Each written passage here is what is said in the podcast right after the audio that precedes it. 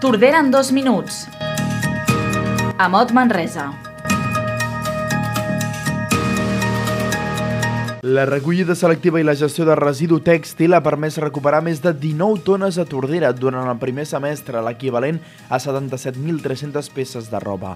El 90% tindran una segona vida gràcies a la reutilització i el reciclatge, dos elements claus per l'economia circular i la creació i manteniment de llocs de treball de qualitat. A més, aquesta gestió de residu tèxtil ha evitat l'emissió de 116 tones de CO2. El portaveu d'Humana, Joan Carles Montes, en fa una valoració. Són positives, són més de 19 tones de roba usada recollides als contenidors de color verd que tenim a Tordera.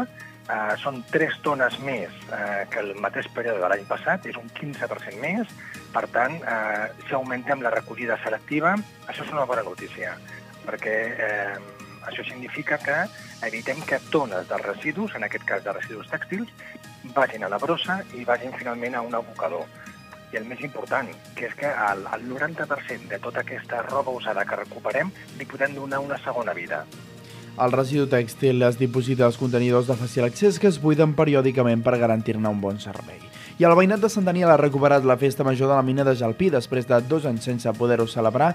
Aquest any ha celebrat fins a tres dies de festa a Jalpí. Van començar dissabte i acaben avui dilluns. Acaben amb els jocs de cucanya i també a sopar a la fresca a la nit. Posteriorment, ball de fi de festa amb la Monte Carlo i seguidament proclamació de la Pobilla de Sant Daniel 2022. I justament parlant de festes, per aquestes dates i preparar la festa major de Tordera, els veïns i comerciants de la plaça Revert han impulsat un any més una acció per decorar aquesta zona del nucli històric. L'objectiu és dinamitzar i embellir aquest indret durant aquests mesos d'estiu. Aquest any ho han fet amb col·laboració de l'entitat tordarenca La Capsa dels Records, dedicada a la creació de records per nadons estrella.